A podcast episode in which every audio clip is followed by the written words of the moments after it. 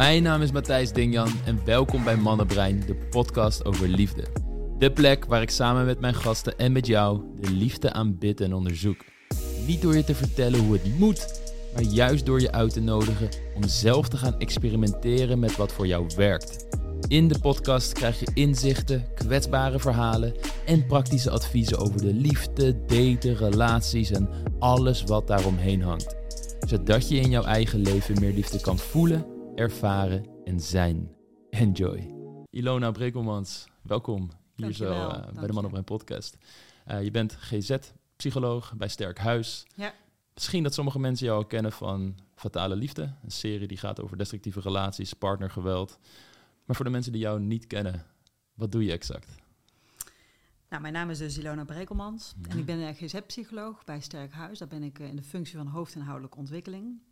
Heel, hele mond vol. Hoofdinhoudelijke Ja, ontwikkeling. Ja. hoofdinhoudelijke ontwikkeling. Dus ik stuur daar eigenlijk alle eh, gedragswetenschappers, psychologen inhoudelijk aan. En eh, ik, ik zorg voor het inhoudelijk beleid. Hmm, We hebben een groot psychotraumacentrum. Maar ik zal eerst even vertellen wat Sterk Huis doet. super. Nou, Sterke Huis eh, is gesitueerd in Hart van Brabant.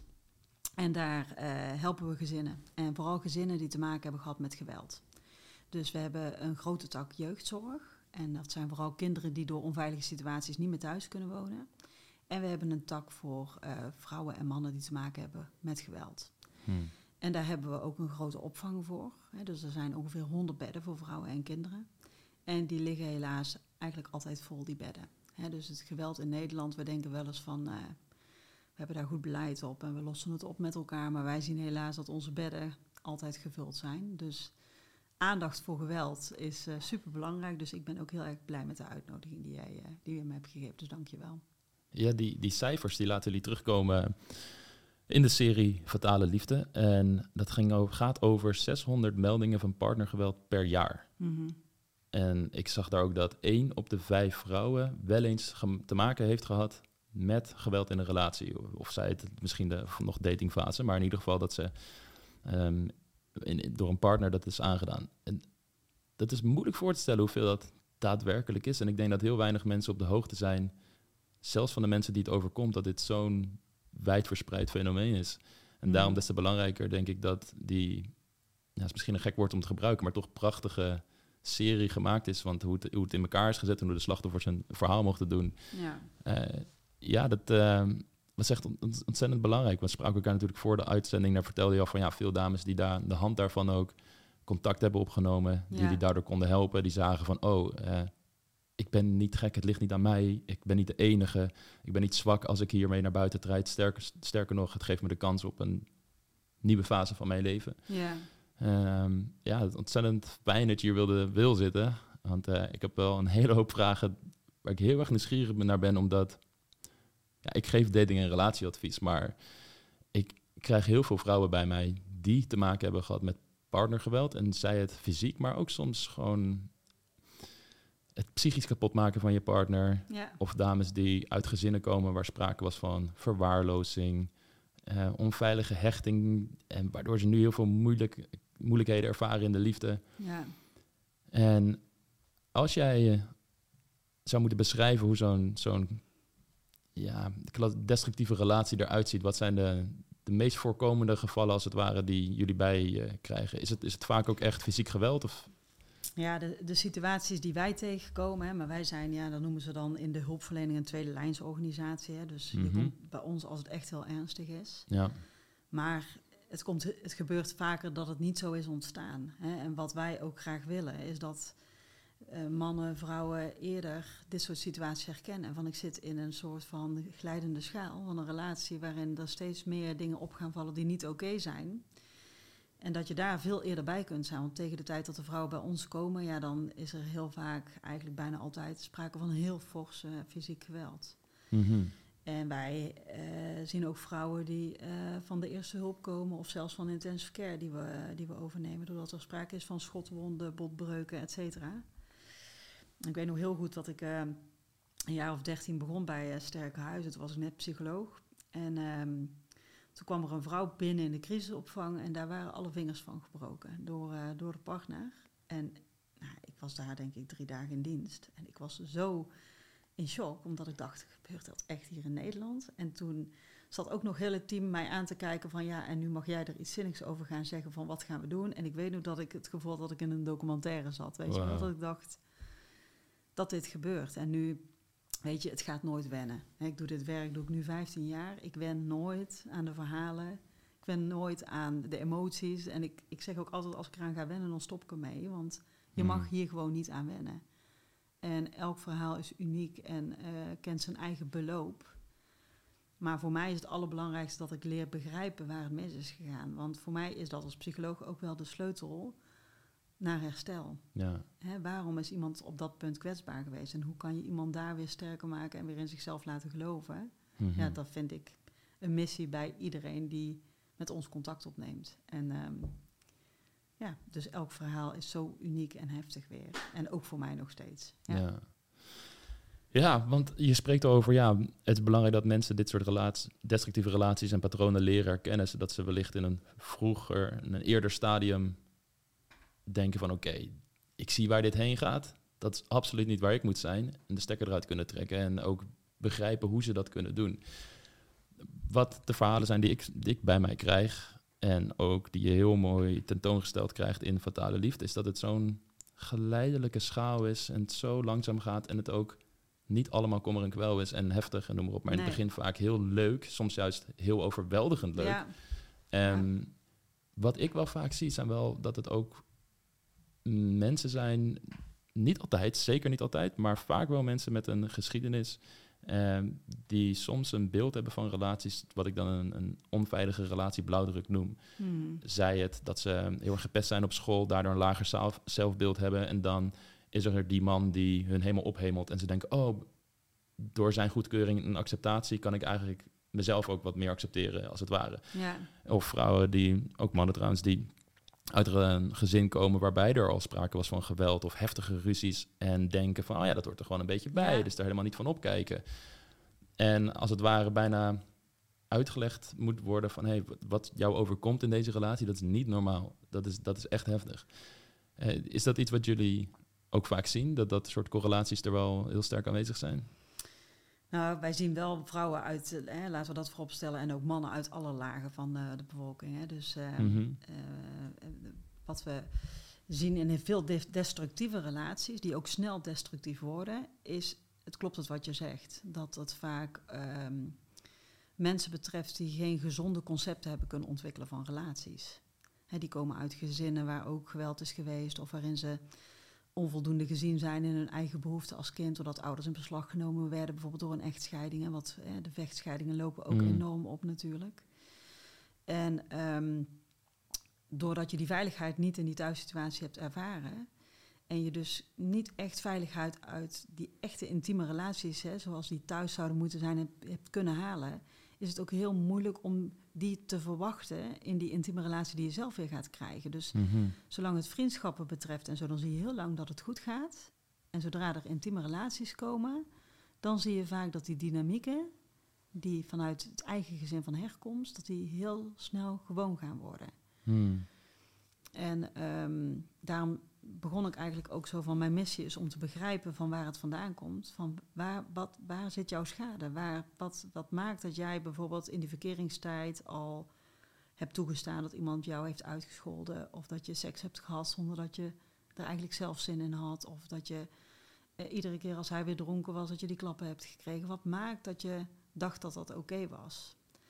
En ik denk als wij allemaal in de maatschappij echt ons best doen om de ander te begrijpen, dat het ook zoveel makkelijker wordt om erover te durven te praten. Want we kennen allemaal situaties van macht, waarin je het gevoel hebt gehad van iemand gaat over mijn grenzen, ik zit niet helemaal meer op mijn gemak, het overkomt me toch. Ja. En dat je achteraf de deur uitloopt en dat je denkt, ja, kak, ik had er gewoon iets van moeten zeggen. Ik had Mhm. gewoon...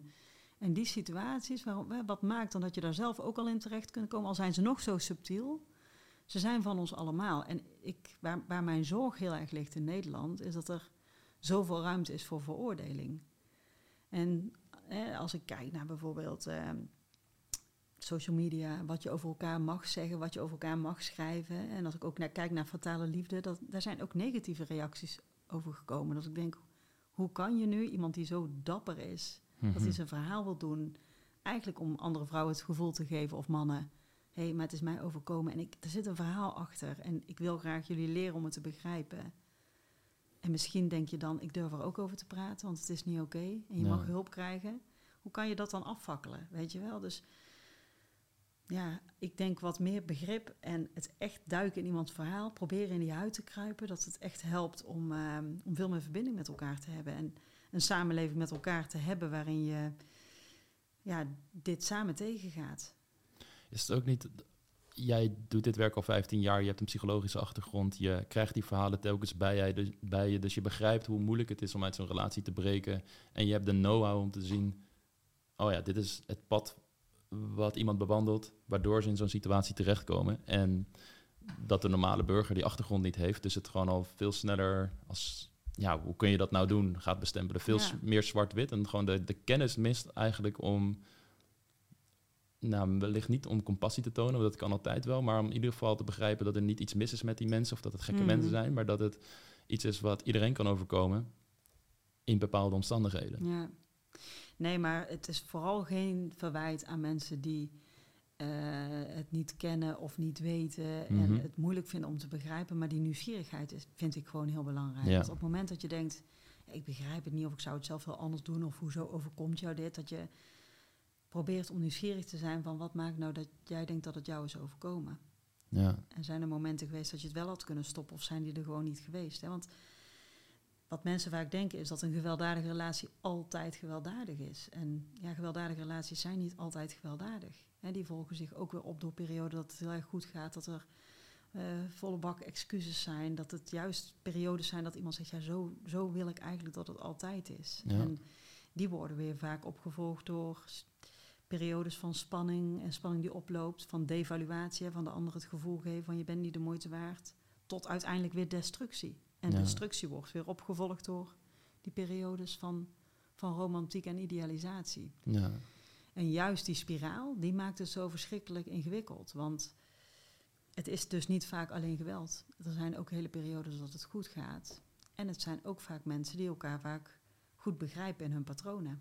ja, Hè, dus ehm, die mannen heeft ook een verhaal, of die vrouw die mishandelend is. Want we, we hebben het ook vaak over vrouwen en er is ook echt wel sprake van een genderverschil. En dat moeten we ook niet ontkennen. Maar er zijn natuurlijk ook mannen die mishandeld worden. En dat Mhm. moeten we, daar moeten we ook oog voor blijven hebben. En die krijgen we ook binnen de opvang binnen. ja, Ja, dus dit, het is niet alleen maar geweld. Die relatie bestaat uit heel veel onderdelen. En ik weet nog dat ik toen ik zelf in dit vak begon, want heel eerlijk Matthijs, dit, dit leer je ook niet op de universiteit hoor, hoe dat werkt.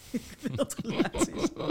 Dus- nee, absoluut niet. Dus nee. het heel veel echt luisteren en oprecht luisteren, zonder oordeel. Ja. En eh, heb ik ook moeten leren, als mens ook. En Ja. om daar onveroordeeld in te staan. En ehm, eh, juist ook te begrijpen waar die ja-kant en waar die nee-kant in die relatie zit. Want als ik niet goed begrijp als psycholoog waarom vrouwen steeds teruggaan, kan ik eigenlijk ook niet behandelen. Want ik, Mhm. ik kan niet alleen maar zeggen van ja, blijf weg bij die klootzak en ga er niet meer naartoe, want hij is niet goed voor jou.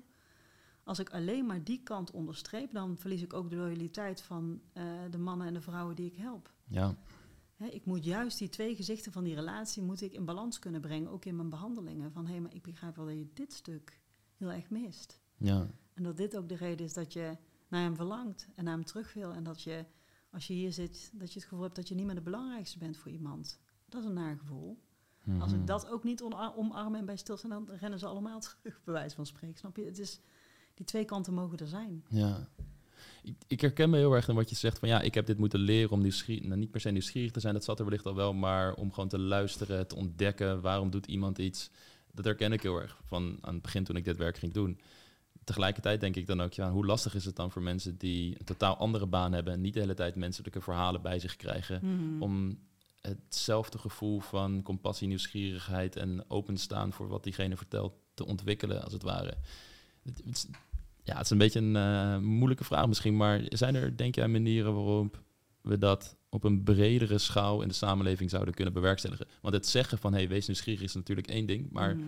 zoals we allebei hebben ervaren, daar zit een heel stuk ervaring aan bij waar je aan blootgesteld moet worden voordat je er wellicht ook echt bent, dat je die vaardigheid hebt. Mhm. Hoe zouden we dat meer kunnen doen, denk jij? Dat, dat, dat daar meer begrip voor komt, meer compassie? Ja, vragen stellen denk ik dat heel belangrijk is. Hm. Hè, dus vragen stellen aan die ander, meer van hoe is het gelopen? En eh, wat we heel veel doen met elkaar, denk ik, is de situatie van nu bekijken. Hè? Dus op het moment dat, die, dat er geweld is ergens, dat we daar iets van vinden. Ja. En het beloop hè, van hoe, hoe ben je daar gekomen, dat is juist vaak zo interessant om daar meer van te weten. Ja, en hoe maak je een samenleving nieuwsgieriger? Ja, daar stel je mij een hele Ja. moeilijke vraag. Maar ik denk wel dat als we, hè, als we allemaal kijken naar eh, waar je geraakt wordt en waar je jezelf misschien soms veroordeeld voelt of waar je onzekerheid zit, en dat hebben we allemaal, daarvoor zijn we Mhm. mensen, dan zit het heel vaak denk ik over op een stukje waarvan je het gevoel hebt dat je dat je je niet begrepen voelt Hm.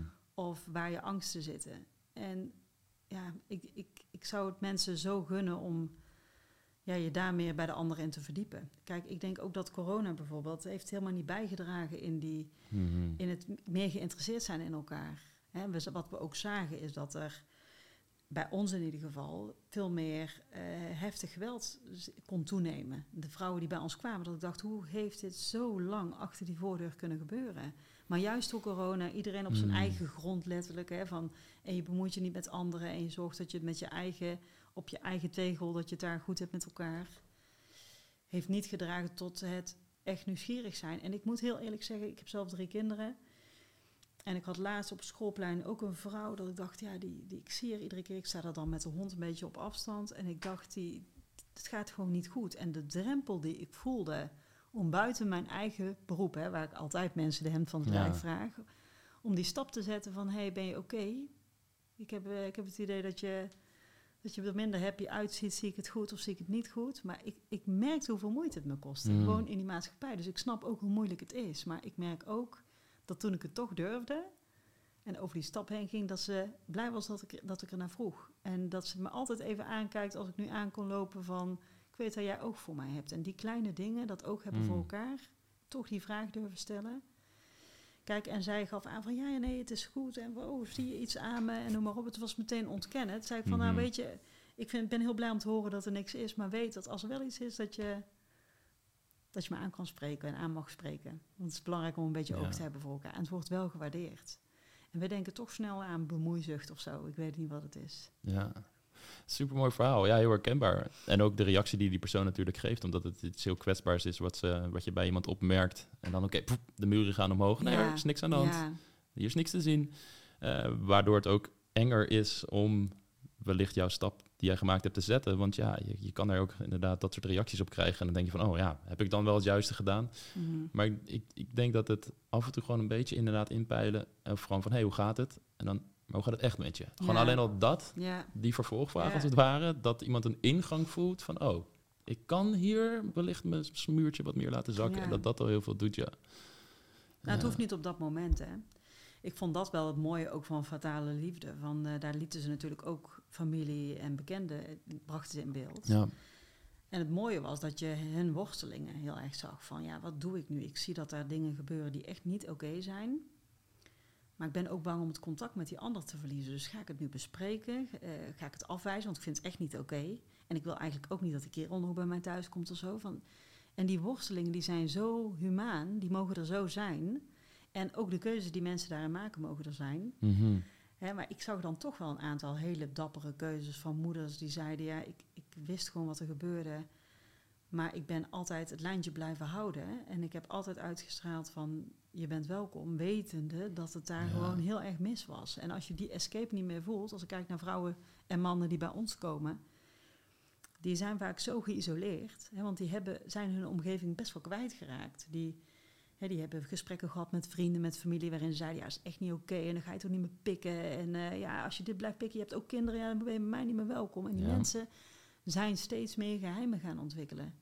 Die zijn zich steeds meer gaan afzonderen van, van andere mensen. Die leefwereld is zo klein geworden. hè, Dat op het moment dat ze bij ons komen, ja, dan natuurlijk helpen we ze met alles wat ze hebben meegemaakt. En ook met een stuk veiligheid. Maar je moet ze ook bij hun omgeving helpen. Om weer te herstellen met de omgeving waar ze vandaan komen. En de omgeving helpen om te begrijpen waarom het zo gelopen is zoals het is gelopen. Want iemand moet wel ook weer verder naar sterk huis. Mhm. Hè, en iemand moet het gevoel hebben van ik heb mensen om me heen die me zien, die me begrijpen, die mijn verhaal kennen en die me ook niet meer veroordelen over wat er is gebeurd.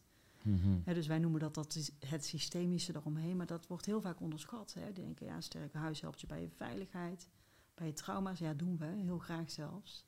Maar ook herstellen in die omgeving is, is eigenlijk het allerbelangrijkste. Wij zijn passanten.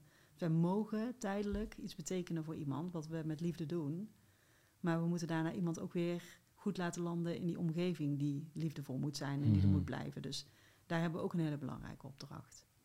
Ja, ik, ik ben heel erg benieuwd hoe dat er exact uitziet. Maar ik wil nog één stapje teruggaan naar... We hebben het al lichtjes gehad over een glijdende schaal van geweld dat toeneemt... en hoe je in zo'n relatie terecht kan komen. Eh, dingen die mij daaraan op- opvallen is dat het heel snel kan gaan, heel heftig. Eh, best wel een heftig bedoel ik op vrij snel zeggen van... oh, je bent zo geweldig, of schatje gaan zeggen na een week, bij wijze van spreken. Mhm. Dingen die bij de meeste mensen in een latere fase van het daten... of zelfs pas wanneer er een daadwerkelijk officiële relatie is, gezegd gaan worden. Eh, dat, dat is iets wat ik meestal eh, waarneem in de verhalen. Dat in Mhm. het begin ook echt heel erg leuk is. Op een gegeven moment komt er inderdaad een soort controledrang, lichtjes vaak wat meer ruzies, waarin er eerst nare dingen gezegd worden vaak, voordat er überhaupt nog sprake is van geweld.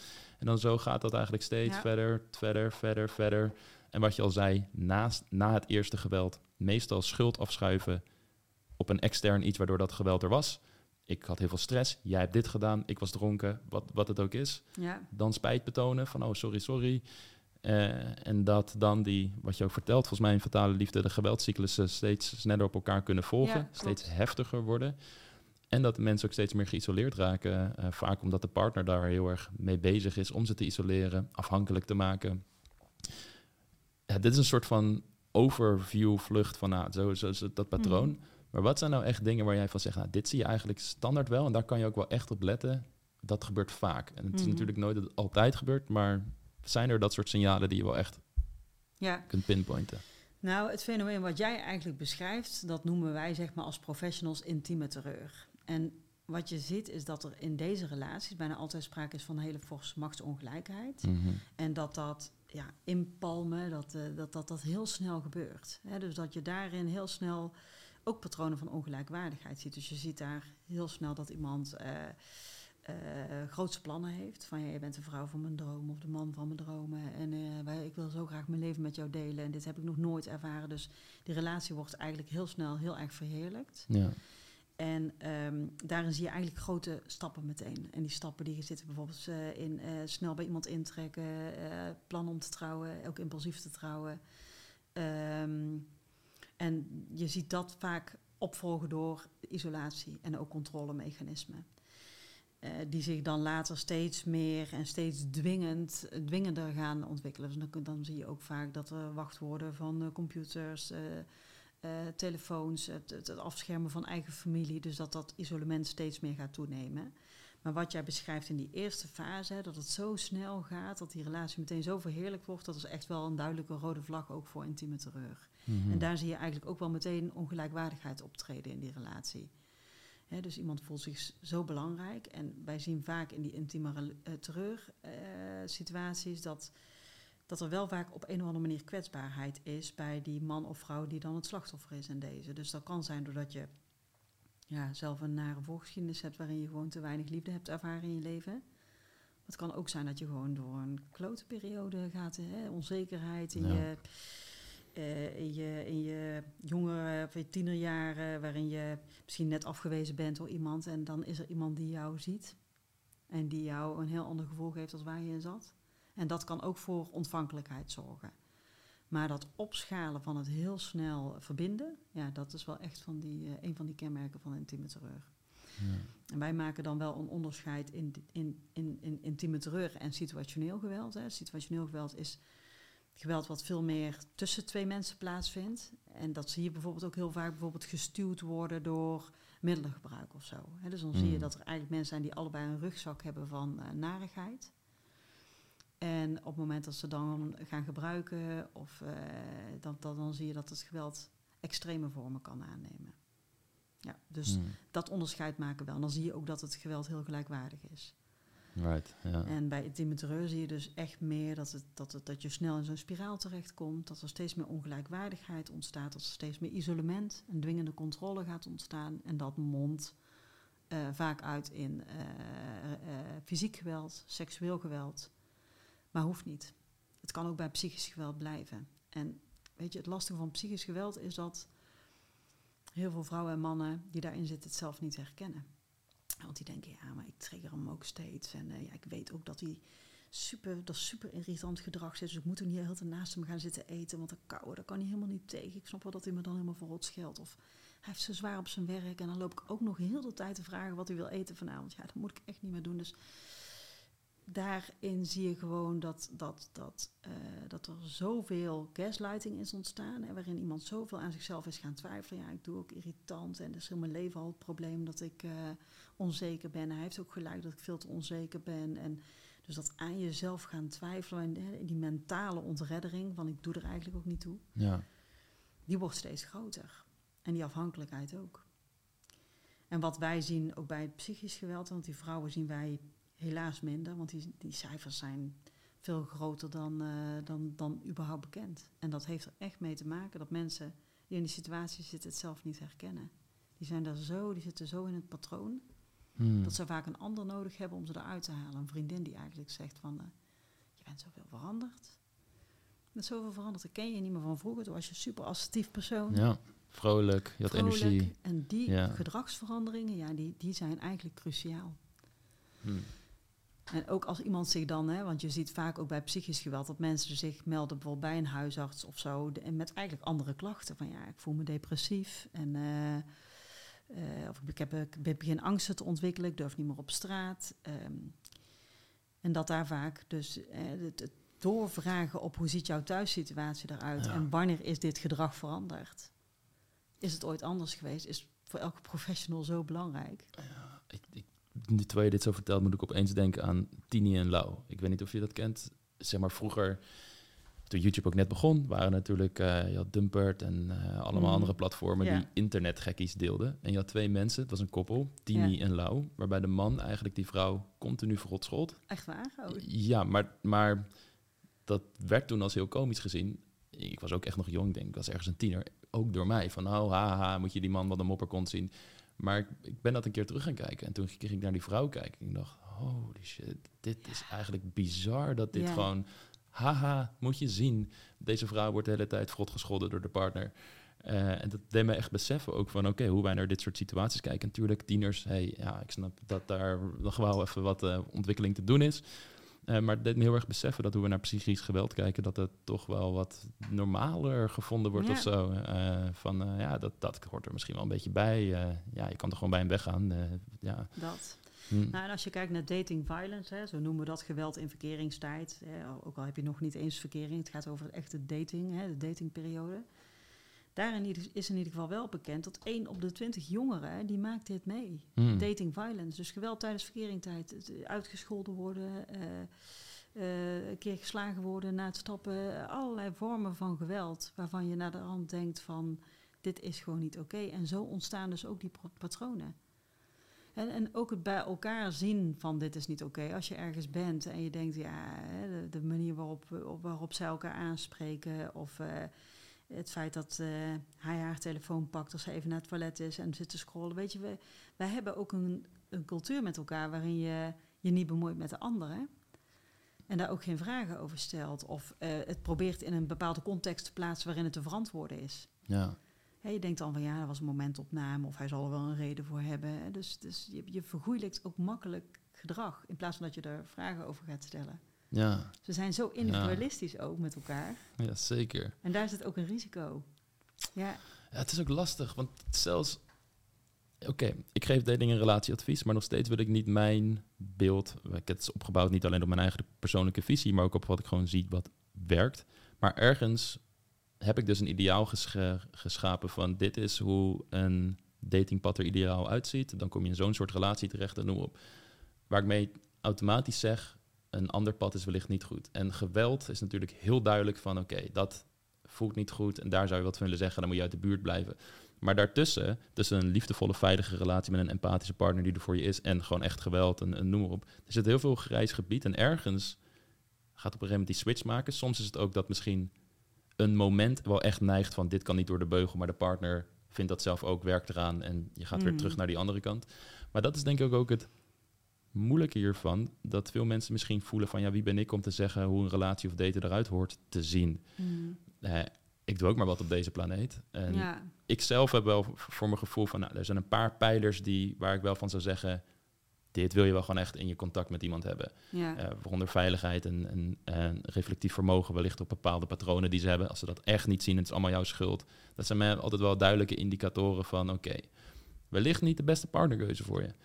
Ehm, maar maar hoe, zien, hoe, zie jij dat? Wat, want de mensen die bij jullie komen, die kunnen er dus een verstoord beeld van hebben. Misschien eh, als je ook kijkt naar hun persoonlijkheid, scoren ze wel hoog op agreeableness bijvoorbeeld. En, en cijferen ze zichzelf sneller weg. Ja.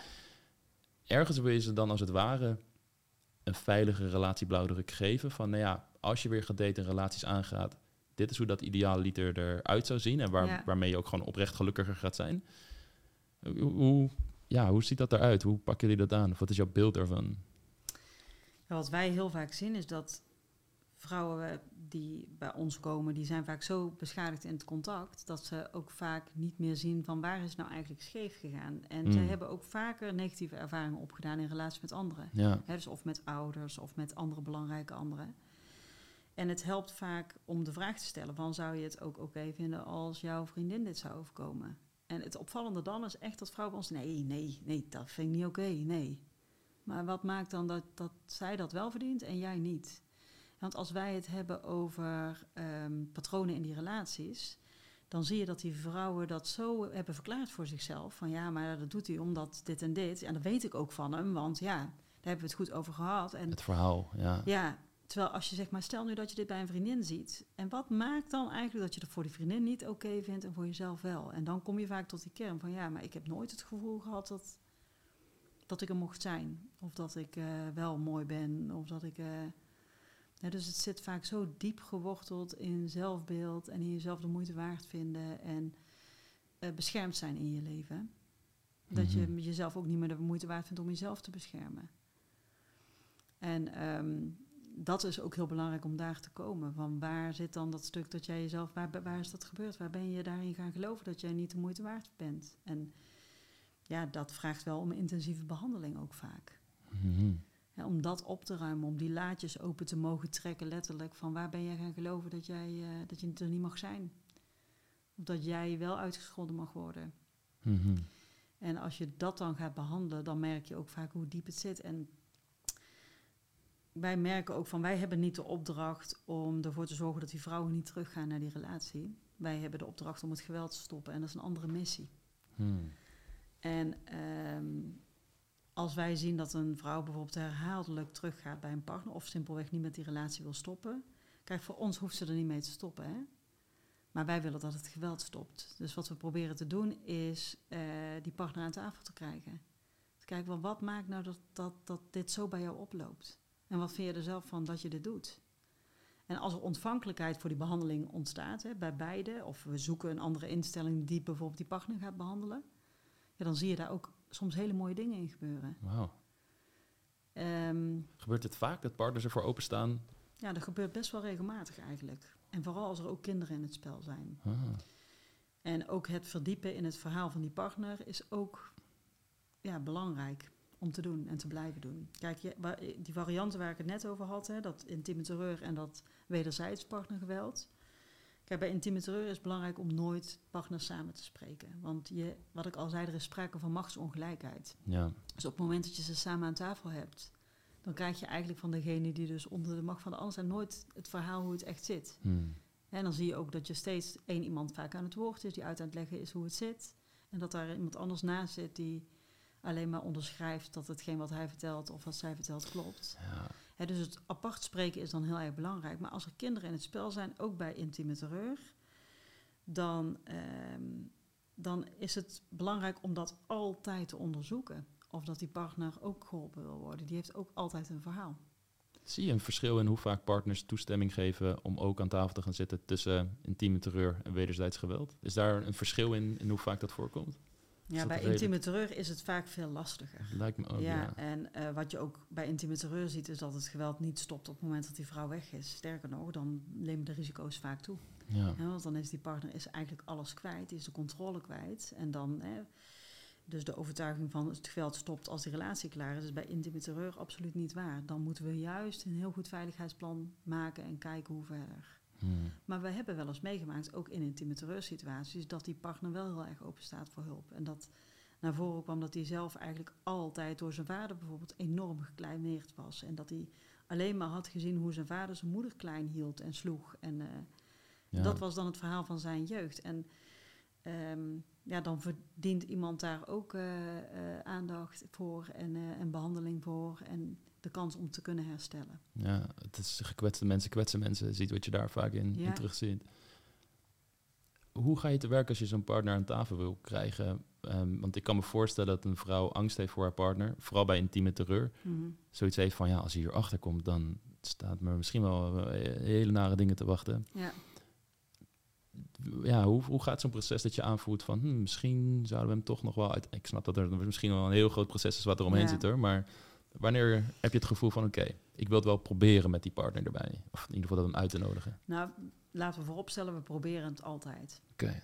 Dus dat is wel echt ons streven, omdat wij ook geloven dat als je, eh, je, je kan niet alleen, zeg maar, dus eh, één, eh, één partner helpen. Ook omdat er een dynamiek is, zeg maar. Dus Ja. als er voor gekozen wordt om die relatie te verbreken, dan proberen we nog altijd, al is het via de politieingang, iets te organiseren voor die partner. Want eh, je kan ook moeilijk veiligheid inschatten als je niks aan die andere kant doet. Kijk, wij zijn als sterk huis niet altijd de partij die ook met die partner aan de slag kan. Wij zijn ook daarin niet, noemen ze dan meerzijdig partijdig. Hè. We hebben die vrouw binnen zitten. En daarmee ben je voor, kan je voor een partner ook meteen een Mm. partijdige partij zijn... waarbij waar hij niks meer mee te maken wil hebben. Ja. Hè, dus het goed nadenken van, oké, wie is de juiste gesprekspartner nu? Ja, vraagt ook wel om een stuk analyse. Dat je met elkaar gaat kijken, oké, wat is de situatie? Hoe laat lang speelt het geweld? Hoe schat die vrouw in dat die man gaat reageren? Denk je, denkt zij dat hij het juist wel prettig vindt als wij contact opnemen? Of denken we dat niet? Kijk, wat wij, wij willen dat mensen zo kort mogelijk bij ons zijn. Dus het herstellen van dat veiligheidsstuk, ja, daar, daar, moeten wij, daar willen we tempo op maken. Want een vrouw kan zich bij ons heel veilig voelen, maar dit is niet het leven wat je iemand gunt. Een leven in de opvang. Dus Nee. het zo snel mogelijk weer ergens fijn kunnen wonen. En het liefst op een plek waar je zelf ook mensen om je heen hebt. Dus de tijd dat vrouwen moesten vluchten naar de andere kant van het land, die is echt voorbij. Dus we willen die veiligheid organiseren daar waar iemand zijn eigen netwerk heeft. En dat vraagt ook dat je eh, met beide partners daar in ieder geval een plan op maakt. En die plan, dat plan kan heel erg gericht zijn op veiligheid. Hè, dus dat, dat je echt alleen maar aan de repressieve kant gaat zitten. Dus dat de politie eh, een stopgesprek doet en zegt... luister, eh, we weten hoe dat er tussen jullie... er is aangifte gedaan, et cetera. Soms is er gewoon weinig moeilijk, mogelijk. Maar het kan ook zijn dat je eh, een behandeltraject in gaat zetten voor beide partners... omdat je ziet dat ze elkaar blijven aantrekken. En je wilt niet dat ze voor hulpverlening of politie zeggen... ja, het is over en we zien elkaar niet meer. Hmm. En dat je daar van alles op inricht en vervolgens eh, zie je ze samen door de stad lopen. Ja. Dus ze moeten het vooral niet voor ons doen, zeg ik altijd. Right. je moet, en, en daarom is dat begrijpen zo goed. Dat op het moment dat je weet van als je die twee gezichten van die relatie in beeld hebt... en je weet gewoon dat die vrouw, dat, dat die ja-kant van die relatie... dat die voor haar steeds zwaarder is dan het feit dat ze ook regelmatig klappen krijgt... dan kan je veel beter aansluiten bij die ja-kant en kijken hoe kan ik een ingang vinden... om ervoor te zorgen dat het geweld stopt. Want dat is mijn missie. Ja.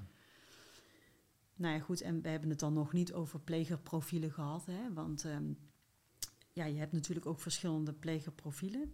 En ehm, dat is ook belangrijk, dat je ehm, dus ook leert begrijpen waar dat geweld vandaan komt. Wat iemand, ja, of iemand daar überhaupt in te helpen is. Hè? Er is een deel van die dader die echt een antisociaal, narcistisch profiel heeft.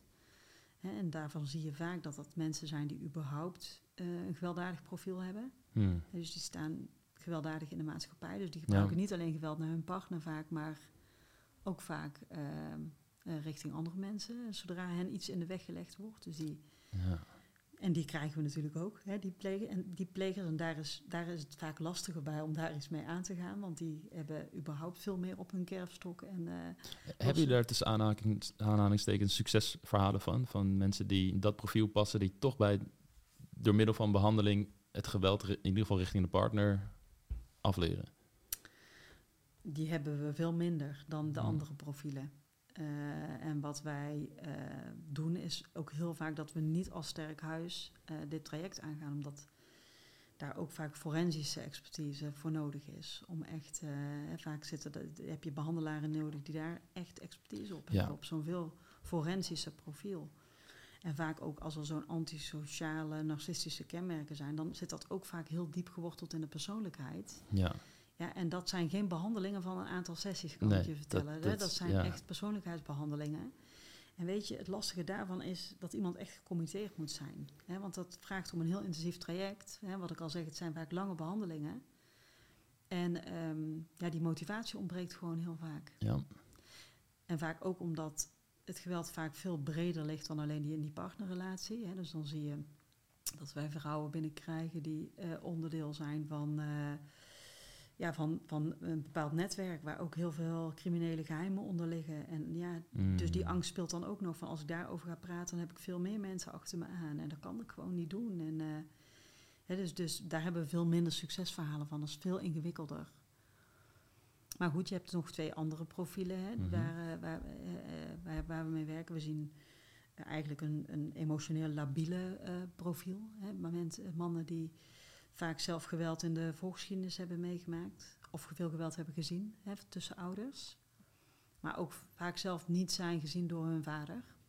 dus die hebben een, geen goed mannelijk voorbeeld gehad. Of zijn juist gekleineerd door dat mannelijke voorbeeld. Hmm. Um, en die zie je dus zodra dat er stress bij komt, meteen uh, met geweld reageren.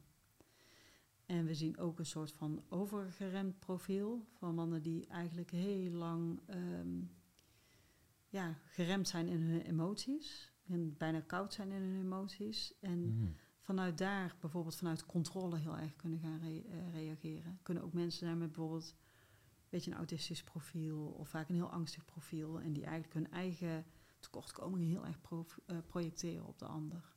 Waardoor die heel erg in een isolement raakt. Dus Ziet een voorgeschiedenis er flink anders uit dan de mensen die meer in de emotionele, labiele categorie vallen? Of zie je daar wel veel Ja, je ziet bij, uh, bij dat overgeremde type ook veel meer ontwikkelingsproblematiek. En ontwikkelingsstoornissen zijn de stoornissen die er altijd zijn geweest. En dan heb je bijvoorbeeld over een autisme spectrumstoornis of uh, wel wat psychiatrisch, dat er veel angsten eigenlijk heel hun leven al aanwezig zijn. Dus het is vaak ook onvermogen wat daar dan speelt.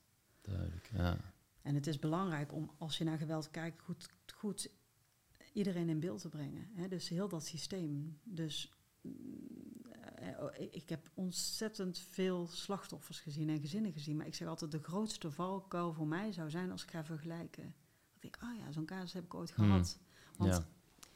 in elk systeem speelt een andere dynamiek. En het gaat juist over de interactie tussen mensen en over de patronen die zijn ontstaan. En als, pas als ik die goed snap, ja. dan weet ik ook waar de sleutel tot de oplossing zit. Of wat ik te doen heb naar al die mensen in dat systeem. En dat is ja, een puzzel die mij blijft uitdagen. En waar ik ook natuurlijk heel veel hoop op heb. Want ja, als ik geen hoop zou hebben in mijn werk en ook geen hoop heb dat we dit met elkaar kunnen kantelen, dan was ik er ook niet gepassioneerd, zo gepassioneerd mm voor als dat ik nu ben. Mm Dus ik zie daar ook zeker mooie dingen in gebeuren. Ja. ja. En die, die behandelingen van de slachtoffers, um, hoe, hoe, hoe ziet dat eruit? Wat zijn ik kan me voorstellen dat er een heel groot stuk traumaverwerking bij is. Uh, ja. Wellicht voor de echte flinke gewelduitbarstingen, hele EMDR-trajecten, lange sessies. Ja. Um, maar we hebben het ook over iemands eigenwaarde verhogen. Ja. Die relatieblauwdruk ontwikkelen over wat wel en niet normaal is. Of goed voor hen is, misschien mm -hmm. betere uitdrukking. Hoe ziet dat eruit? Wat doen jullie exact? Nou ja, je benoemt al een aantal hele belangrijke dingen. Wij hebben binnen Sterkhuis een psychotraumacentrum. Ja, die heet ook niet voor niks psychotraumacentrum iedereen die binnen een sterk huis woont, heeft op een of andere manier, uh, of, of, of hulpverlening ambulant krijgt, heeft op een of andere manier met trauma te maken.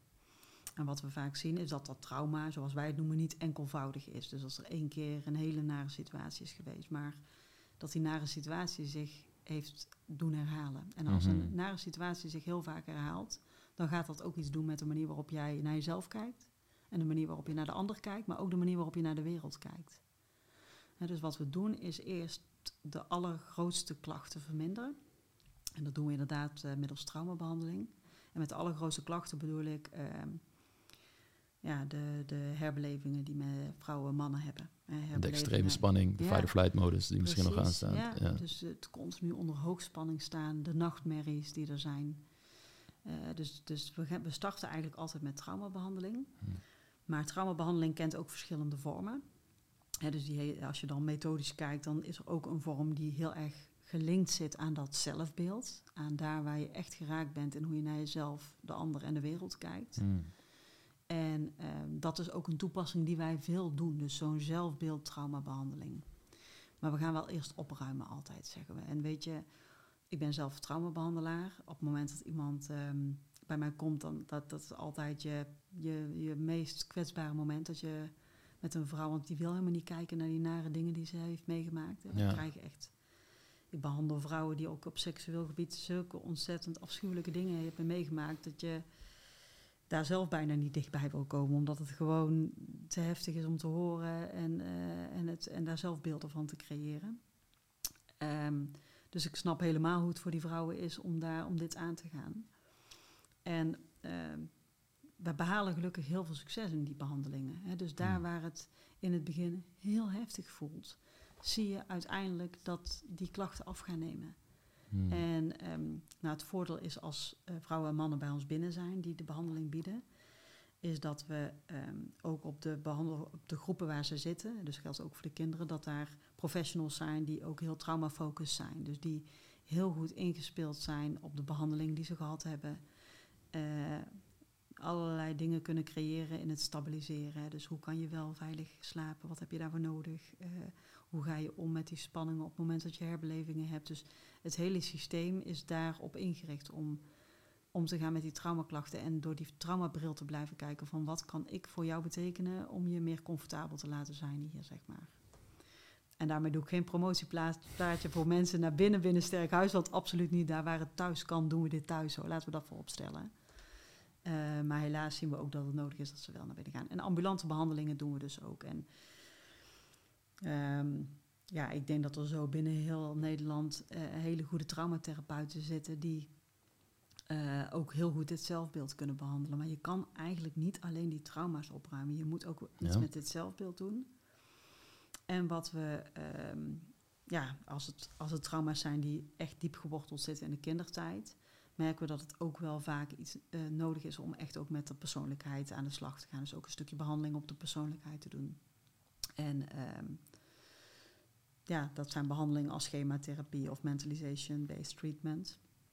En die, die volgen eigenlijk daar dan op. Hmm. Ja.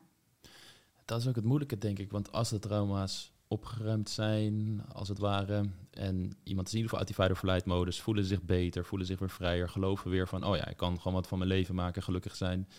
Dan betekent dat nog niet automatisch dat je weet hoe normaal datingcontact eruit ziet. Allemaal als je uit een moeilijk gezin komt, daarbovenop nog eens direct, bij wijze van spreken, de eerste relaties die je aantrok, waren niet al de best. Dus heel jouw beeld van hoe relaties eruit zien is gewoon echt verstoord. Ik krijg dan dames bij me die vragen stellen ehm, van oké, ja, tweede date gaan we dit doen, is, is dit normaal? Of oh, ik oh, wil dit berichtje sturen, maar ja. is, is dat wel normaal? En, en zich dan heel graag willen vastklampen aan de richtlijnen van datingadvies en die zo letterlijk gaan nemen, terwijl het richtlijnen zijn, geen regels. Uh, en ik merk dan dat het stukje intuïtie, als het ware, om aan te voelen hoe een normaal contact verloopt. En, en, en ook niet alles zeker hoeven te weten, maar vertrouwen op jezelf dat als er iets gebeurt, dat je dat wel aan kan en dat je het kan mhm. uitspreken, dat dat dan heel erg ontbreekt en dat ze dat moeten ontwikkelen. Maar als ze dan weer, en niet eens per se echt hele foute mannen ontmoeten, maar gewoon mannen die als het ware denken van, ja, ik vind het niet echt leuk, maar misschien een soort friends with benefits-achtig iets kan wel en, een beetje zo. Ja. Uh, dat erbij houden dat um, ze nog minder weer erin gaan geloven dat ondanks, ja, zie je nou, ik ben uit die relatie, ik heb aan mijn trauma's gewerkt en nog steeds lukt het niet in de liefde. Dat dat heel moeilijk is om dat alsnog te gaan ontwikkelen. Ja. Hoe zien jullie dat? Wat is jullie blik daarop? Nou, ik vind dit wel een heel mooi thema wat jij. Want ik denk van daar zouden wij misschien nog wel meer over uh, in kunnen betekenen. Hmm. Wat we wel doen is dat we bijvoorbeeld met uh, de meiden, met de jongens gaan kijken naar van hoe wil je dat er naar jou gekeken wordt door de hmm. buitenwereld. En we zien heel vaak dat de manier waarop zij zichzelf profileren, bijvoorbeeld op social media, eigenlijk helemaal niet de manier is waarop zij zelf willen dat er naar hmm. ze gekeken wordt. En ehm, als je dan vraagt van hoe zou je willen dat mensen naar je kijken, als ze jouw profielfoto zien, wat, wat, wat, wat zouden ze dan van je moeten denken? Hoe wil je dat er over je gepraat zou worden? En als je dat dan wil, komt dat dan overeen met hoe je op zelf op die foto staat of hoe je jezelf zou profileren. En dat zijn die, die echte stappen in de praktijk. En wij doen dat dan via social media om te kijken van ja, wie zijn dan je vrienden op social media? En wie leggen er dan contact met je? Dus we proberen wel daar echt op in te zoomen dat we kijken met wie heb je allemaal contacten, hoe zie je er zelf uit, hoe communiceer je zelf met mensen. Maar dat echt het goed de hand vasthouden in die dagelijkse praktijk, na dat trauma en na die relatie, ja, daar zouden wij misschien nog wel meer op in kunnen zoomen. Ik vind het wel mooi dat jij dat hmm. beschrijft, dat je dit zo tegenkomt ook bij het daten. En dan denk ik, ja, nou, dat, daar, daar, daar, daar zouden we misschien nog meer in mogen doen als ik jou zo hoor. Ja. Dat is ook het lastige. Een, een dame die nu bij ons loopt, uh, ik mag altijd over haar verhaal vertellen, heeft ze zelf ook gezegd. Maar ze, ik, zij heeft echt zware traumatische seksuele uh, trauma's uit haar jeugd. Verwaarlozing. Eerste relatie kwam ze in een crisiscentrum terecht. Het was een 19. Dat is het pad dat ze gelopen heeft, het hele leven lang. Uh, ze heeft ook nog eens bij haar geboorte en ehm, dat het niet helemaal lekker ging, een klein zuurstoftekort gehad, waardoor ze een lichte hersenaandoening heeft, waardoor ze moeilijker kan slapen. Dus vaak moe is, wat oh allemaal voor je emotieregulatie natuurlijk uh, gigantische gevolgen heeft. Maar zij zit ook in een omgeving die zo lastig is om daaruit te komen. Dat alle relaties die ze heeft aangetrokken zijn ook vaak mensen die resoneren met haar energie, dezelfde manier communiceren. Ja. En de hulp die ze krijgt, ze loopt bij ons uh, al een jaar. Uh, daarnaast krijgt ze heel veel MDR. Ze heeft uh, dramatherapie, verschillende vormen therapie. Maar ik zie gewoon hoeveel mensen ervoor nodig zijn om haar te helpen haar leven weer anders vorm te geven. hoeveel energie dat van, van al die partijen kost. En dat kost geld. En, en, en noem maar op. En hoe, hoe lastig het ook kan zijn om voor die mensen iets, die shift te gaan maken. En dat er uiteindelijk ook een soort zelfredzaamheid in moet gaan komen. Een soort verantwoordelijkheid en tools moeten zijn waar ze zelf mee aan de slag kunnen om die nieuwe informatie op te doen en te groeien als persoon, als het ware. Mhm. Maar ik kan me voorstellen hoe moeilijk dat is ook voor jullie om iemand de hele reis van het herstel ja. en dan ook nog eens naar nu sta je weer stevig in je schoenen in de maatschappij en in je eigen leven. Ja. Dat, hoe lastig dat is, ja. Ja, dat is mm. ontzettend lastig. En ook van hoe lang mag je iemand blijven begeleiden? Hè? Want ik bedoel, wij hebben te maken met verschillende uh, financiers. En, die, uh, en, die ook weer eisen stellen aan de duur van, je, van de contacten die je hebt. Nou, ik moet ik zeggen, Sterkhuis is best wel eigenwijs. Dus als wij vinden dat iets nodig is en daar nemen we ook wel risico's in. In die zin dat we als, ook al twijfelen we soms van krijgen wie we bijvoorbeeld betaald. Daar hebben we ook ons neus wel eens bij gestoten hoor. Maar ik vind wel hmm. dat wij wel een organisatie zijn die echt vanuit die inhoud durven blijven denken. En ik had bijvoorbeeld laatst een... Ehm, een beetje een soortgelijk voorbeeld als wat jij uh, beschrijft. Een vrouw die uh, drie kinderen had gekregen met een, uh, met een Iraanse man. En die jaren, jaren, jaren onderdrukt was. En die vrouw is tijdens haar verblijf bij ons zo ontzettend sterk geworden. Um, maar goed, drie kinderen om voor te zorgen, dus ze heeft haar handen vol. En toen kwam de ambulant hulpverlener nog bij haar thuis. Ze woont inmiddels zelfstandig, is haar werk leven aan het opbouwen. En zei die ambulant hulpverlener van... ja, Ilona, ik weet niet altijd goed meer wat ik daar doe. Ik, ik merk dat het heel belangrijk is dat ik er ben, maar ze doet alles zo zelfstandig en ze is zo mm. krachtig geworden. En dan zeg ik ook, blijf daar nog maar even. Want zij heeft het nog zo nodig dat jij er bent. En zij durft nog niet echt een stap te maken voor zichzelf. En dat zij ook de moeite waard is om een relatie op te bouwen. Om, uh, uh, dus ik denk dat die vraag nog gaat komen. Mm. dus soms moet je ook gewoon iemands hand wat langer vasthouden. En heb, ook al heb je niet altijd het gevoel, we zijn hier heel specialistisch aan het werk. Maar ben je gewoon als persoon heel erg van betekenis geworden. En heeft dat ook tijd nodig om daarin ja, stapsgewijs afscheid te nemen of zo. Het zijn zulke hmm. heftige situaties. Ja. Ik kan me wel voorstellen. Het doet me ergens denken aan gewoon de rol die een ouder heeft. In het bijzijn van het kind, de peuter, de kleuter die aan het spelen is. En af en toe gewoon even kijkt van, zijn ze er nog? Van, oh ja, ze zijn er nog en weer, weer verder kan. Uh, en ergens ook wel wat ik vaak hoor is... Ja, als je echt veel, vaak situaties hebt meegemaakt, vooral met mannen die, die niet goed waren, die verkeerd beeld geven van mannen, dan hoor ik ook vaak van ja, het is fijn dat om de, jouw betrokkenheid te, te voelen, dat dat er ook gewoon kan zijn. En natuurlijk, het is vanuit een professionele rol. Het is niet ehm, een daadwerkelijk vriendschappelijke relatie die we aangaan. Maar het feit er wel van, oké, er worden extra stapjes gezet of er wordt echt op mij gelet en ik voel de betrokkenheid, geeft haar wellicht wel de indicatie van ik doe er toe en ik mag er zijn. En nou, je bent ook zo dichtbij geweest op het moment dat iemand zo kwetsbaar was, dat je, mm. Daar bouw je altijd een, een band mee op. Ja. Vroeger zeiden ze nog van nee, je moet als hulpverlener altijd professionele afstand bewaren. Ja. weet je, bij dit thema gaat dat gewoon niet. Moet je ook niet willen. Nee. En daarmee zeg ik niet dat je dik beste vriendinnen met al je cliënten wordt, maar je bent wel heel dichtbij geweest. En dat betekent ook dat je een speciale band met elkaar opbouwt, die gewoon uh, met name ook vaak voor degene die het ondergaat, gewoon heel erg van betekenis is. Ja. Ja, ik denk juist inderdaad, omdat je daarin laat zien van ja, dit is ook hoe iets ja, intiem kan zijn ja. op een bepaalde manier, zonder dat er sprake is van mis, machtsmisbruik of al die andere zaken die, er, die, ze, die ze herkennen uit het verleden. Ja. Hmm. Ehm, en dan die daderkant. Je zei al van ja, de antisociale persoonlijkheidsstoornis, de narcistische kant.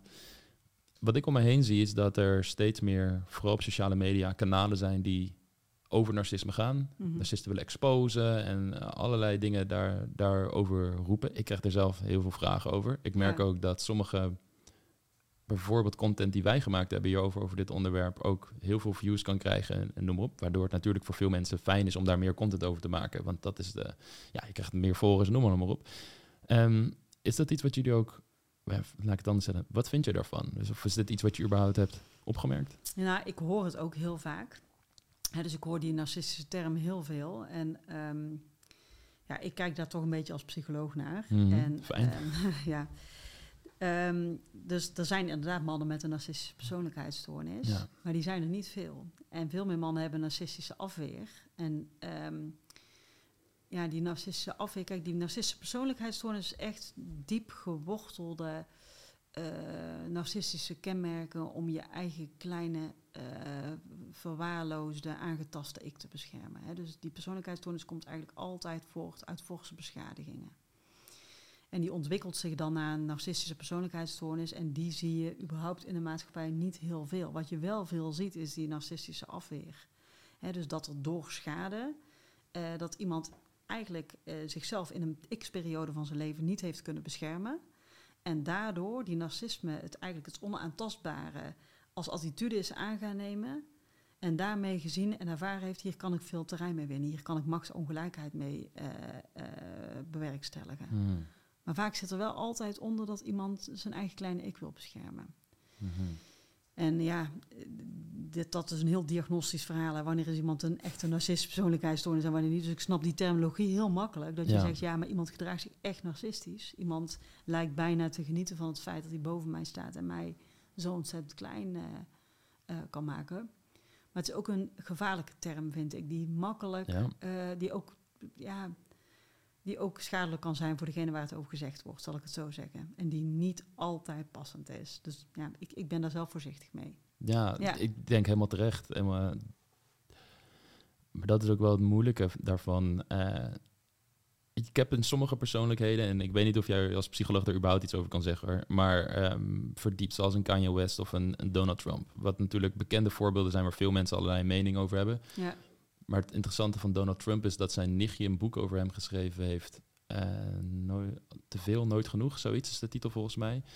Waarin ze de gezinssituatie beschrijft waarin hij is opgegroeid. En hoe de vader van Donald Trump een keiharde man was, hoge eisen stelde, waar zijn broer aan onderdoor is gegaan, ja. alcoholist is geworden, uiteindelijk overleden. En Donald Trump als het ware, en dat is waarschijnlijk veel te zwart-wit gezegd, maar inderdaad, dat schild heeft ontwikkeld. Kijk mij, de Bombari, ik ben fantastisch en, en, noem maar op. Waarin hij ook veel heeft bereikt. Ehm, en dat vind ik het moeilijke van dat soort uh, stoornissen of, of ja, de term narcist, omdat het ze... Ja maar ik denk dat wat je nu beschrijft, dat dat heel belangrijk is. Kijk, op het moment dat je dus al schade hebt opgelopen en die wordt ook nog eens een keer gevoed door geld of door macht, dan denk ik dat je iets heel ongezonds kunt gaan ontwikkelen. Ja. Ja, ik denk dat geld ook de duivel is. En ik denk dat mm. macht daarin ook de duivel is. Dus, en die twee dingen gaan vaak hand in hand. Mhm. En daarmee krijg je steeds meer publiek om je heen. En wordt je, het gedrag wat jij vertoont, wordt helemaal niet meer gespiegeld. Dus Ja. ik denk dat, dat dat het absoluut waar is. Dat je daar hele ongezonde patronen kunt door- doorgaan ontwikkelen. Waardoor, waaruit een narcistische persoonlijkheidsstoornis zou kunnen ontstaan. Dus ik denk dat het klopt wat je zegt. Mhm. Ja, en eh, denk je dat het ergens ook een goede bijwerking heeft dat we in de maatschappij dat er steeds meer hierover gesproken wordt, narcistische persoonlijkheidsstoornissen, los van het feit dus dat het te vaak waarschijnlijk wordt opgeplakt op mensen en de term Mhm. te snel rondgestrooid wordt, maar dat het ergens ook een goede bijdrage heeft dat we dit soort gedrag gaan herkennen. Termen zoals gaslighting zijn steeds meer populair. Dat zie ik ook in de zoekresultaten op Google. Je Ja. wordt steeds meer op gezocht. Ja. Steeds meer mensen willen hier zich hierover inlezen. Zou dat kunnen bijdragen als het ware aan dat toch v- misschien ook wel mensen minder snel in zo'n relatie, destructieve relatie terechtkomen, omdat ze dit soort dingen gaan herkennen van oh wacht, dit, dit en dit gebeurt hier Mhm. nu volgens mij. Hier zou ik uit moeten stappen. Nou ja, het herkennen van die rode vlaggen is altijd heel erg belangrijk. Mm. Hè? Dus ik weet niet of het dan helpt dat je dat, dat daar. Ja, de term narcisme vliegt mij een beetje om mijn oren. Hè? Dat ik denk van ja, dat, het wordt heel snel gezegd, denk ik. Ja. Terwijl ik denk dat het belangrijk is om ook daarin eh, nieuwsgierig te zijn. Om te kijken van waar komt dit vandaan en, eh, en noem maar op. En daarmee zeg ik niet dat ik enige vorm van geweld goedkeur hoor. Laten we dat voorop stellen. Maar ik denk wel van. ehm, ja, hoe zorgen we voor een inclusiemaatschappij in plaats van een exclusiemaatschappij, waarin we gedrag wel gaan afwijzen, maar niet beelden of personen, snap je? Dus Juist. dat is een beetje mijn, eh, mijn afweging. En ik denk die rode vlaggen zijn echt super belangrijk om wel te herkennen. En, ehm, en waar we het net over hebben, op het moment dat zo'n eh, verkeringstijd super snel gaat, op het moment dat er Mhm. controle plaatsvindt in, eh, in relaties, op het moment dat er eh, verburging is in het geweld. Hè. Er zijn echte rode vlaggen die bijvoorbeeld ook voorafgaan aan femicide, aan vrouwendoding. Mhm. En dan heb je het over bijvoorbeeld geweld tijdens de zwangerschap, over het verburgen tijdens het geweld, over wapengebruik. Ja, op het moment dat dat aan de orde is, ja, dan, dat zijn zulke extreme rode vlaggen, ja, dan uh, dat is super belangrijk dat we die allemaal gaan herkennen. Dus op het moment dat je met iemand praat en die vertelt dit soort extreme voorbeelden, ja, denk dan ook niet, het is aan haar om die keuze te maken, maar zorg dat je ook uh, mensen in de arm neemt die je kunnen adviseren om te stoppen. Want uh, het zou zomaar daarin te laat kunnen zijn. Dus daar moeten we, op die rode vlaggen moeten we gewoon heel erg alert zijn met elkaar en blijven. Hmm. En dan haal ik het een beetje weg bij narcisme, dat realiseer ik. Nee, maar het is alleen maar goed denk hoor. Prima, ja. Maar meer omdat hmm. ik, dat ik denk van ja, weet je, um, um, ik kijk natuurlijk als een psycholoog naar mensen. En ook mensen die een narcisme hebben ontwikkeld, daar zit een heel kwetsbaar, uh, uh, kwetsbaar ja. iemand onder. En ik denk als we echt, willen echt geweld willen stoppen, dan moeten we niet alleen begrip hebben voor slachtoffers daarin en die grens trekken, maar moeten we ook kijken waar, maakt dan, waar, waar heb jij dit ontwikkeld, waar heb jij het opgelopen dat je denkt dat je jezelf zo groot moet maken, omdat er niet bij jouw kleine ik gekomen mag worden. Ja. Ja, ja helemaal mee eens. Sterker nog, ik uh, zit mezelf ook soms heb ik gekke gedachtenspelletjes die ik speel. Maar ik zat mezelf af te vragen van ja, kijk, in wat voor omstandigheden zou ik dat ontwikkelen? Maar ook in andere situaties bijvoorbeeld. Um, iedereen roept, oké, okay, het is heel duidelijk, NSB'ers en nazi's waren fout in de Tweede Wereldoorlog. Maar wat ik mij altijd heel erg geboeid, geboeid heeft, is ja, wat zou ik gedaan hebben in de Tweede Wereldoorlog? Wie ben ik? Want ik weet dat ik stiekem wel af en toe, ik ben me gelukkig nu bewust van, maar vroeger um, op kon kijken tegen mensen die een hele sterke mening hebben en ja. dat bam naar buiten durven te dragen. Ja. En dat ik daar al wel gevoelig voor was. En ik denk dat lelijkheden als het ware, of dingen die je bij andere mensen ziet waar je van denkt, oef, ja, moet je zien wat ze allemaal doen, dat het ook een hele mooie spiegel kan zijn voor, oké, okay, maar wat is mijn schaduwkant? Wat draag ik allemaal mee? Ja. Waar ik aan kan werken. Ja. En hetzelfde in mijn relatie. Ik denk als je mij mijn lelijkste momenten zag in mijn relatie, ja, vallen, valt misschien wel onder een paar symptomen van uh, toch wat dingen uit de DSM-5. Ja. Maar wat doe je ermee? En hoe ga je daarmee om? En ik denk dat, dat, dat daar inderdaad de conversatie om moet gaan. Meer begrip, meer compassie voor waarom mensen tot dat gedrag komen. Ja. En ze niet daardoor willen cancelen, uit de maatschappij gooien, noem maar op.